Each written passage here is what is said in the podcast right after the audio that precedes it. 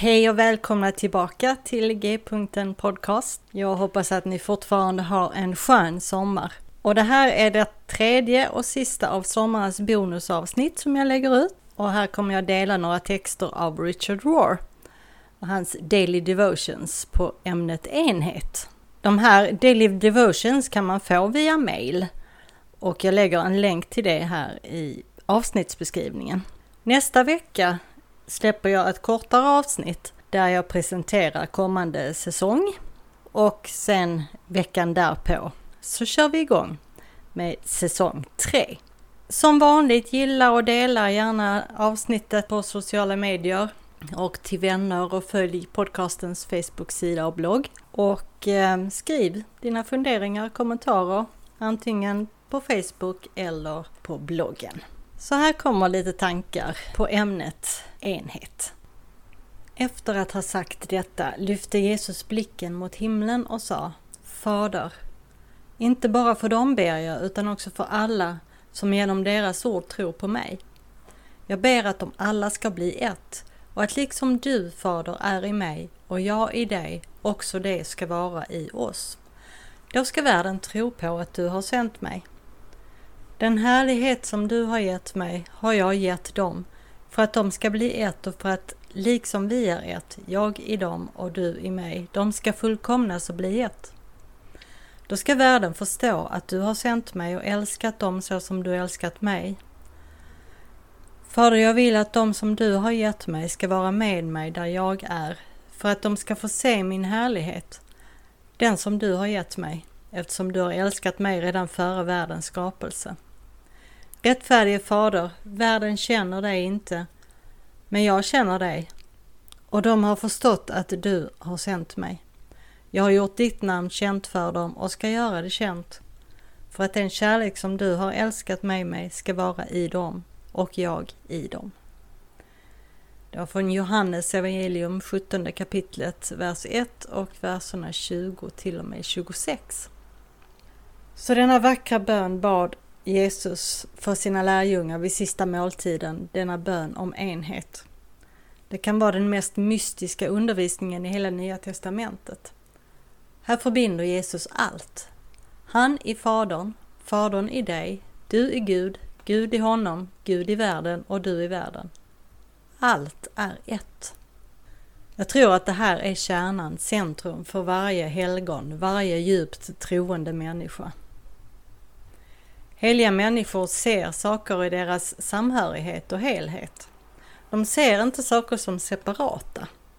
Allt är ett och ändå är det precis som treenigheten även annorlunda. Det du gör mot din nästa gör du mot dig själv. Så som du älskar dig själv älskar du din nästa. Så som du älskar Gud älskar du dig själv. Så som du älskar dig själv älskar du Gud. Så som du gör någonting, så gör du allt. Att tro är inte bara att se saker och ting på ytan, det som syns, utan att inse deras djupaste mening. Att vara en troende person betyder att du ser saker, människor, djur, växter, jorden som i sig själva kopplade till Gud, kopplade till dig och därför värda all kärlek och värdighet. Det är vad Jesus ber om, att du kan se saker i deras enhet, helhet och samhörighet. Och jag går så långt att jag säger att ju mer du kan känna enhet, desto mer av ett helgon är du. Ju mindre du kan känna enhet, desto mindre förvandlad är du. Om du inte kan vara i enhet och samhörighet med människor av andra religioner, klasser eller raser, med dina fiender eller med de som lider, med människor som är funktionshindrade, med hbtq-människor eller med någon som inte är som du. Ja, för att uttrycka det väldigt rakt på sak, då är du inte särskilt omvänd. Du är fortfarande i trons förskola. Vi har många kristna som fortfarande går i denna förskola och som lever i världen med sin gamla politik och ekonomi. De har inte tillåtit den uppståndne Kristus att helt förvandla deras liv. Verkligen förvandlade individer är kapabla till ett universellt erkännande. De ser att allt är ett. Du kommer inte till himlen. Du lär dig att leva i himlen nu. Och ingen bor ensam i himlen. Antingen lär du dig att leva i gemenskap med människosläktet och med allt som Gud har skapat. Eller så är du helt enkelt inte redo för himlen. Och om du vill leva ett isolerat liv, försöka bevisa att du är bättre än alla andra eller tro att du är sämre än alla andra, ja då är du ju redan i helvetet. Du har blivit inbjuden, även du, även idag, även i detta ögonblick, att leva i de heligas gemenskap, i närvaro, i kroppen, i den eviga och evigt uppståndne Kristi liv.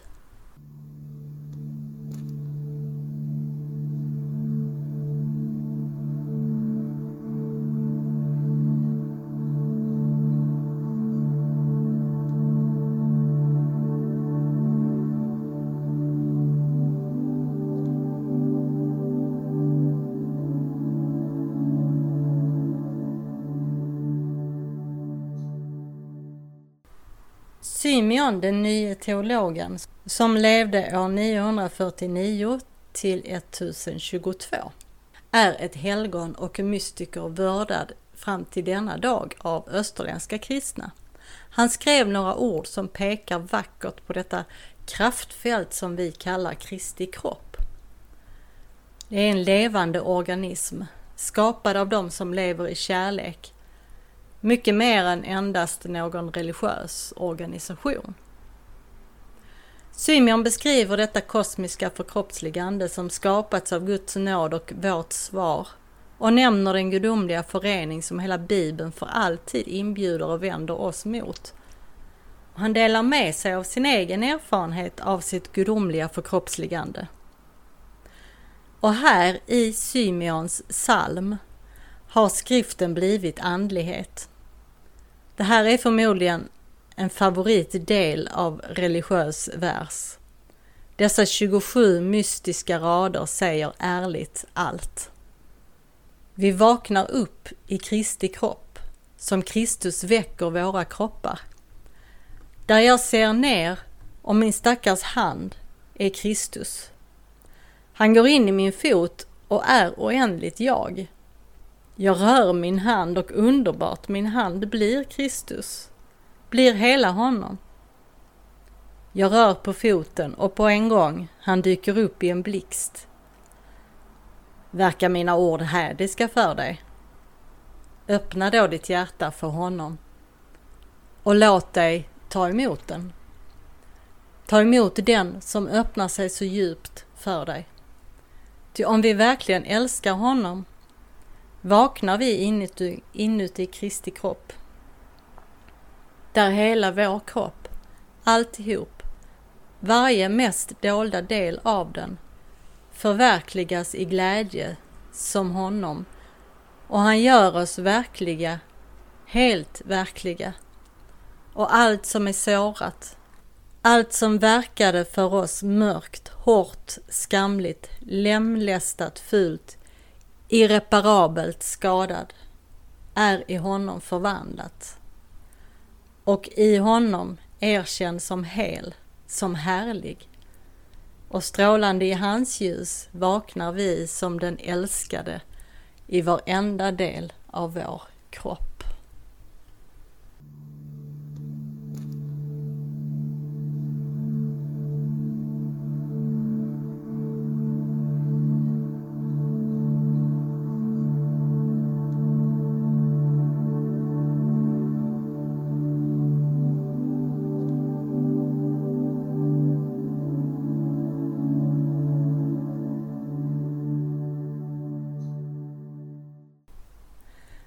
En underbar barnbok, Den gamla sköldpaddan och den trasiga sanningen, berättar en historia om hur världen kom att bli så splittrad när den är tänkt att vara hel och hur vi kan sätta ihop den igen.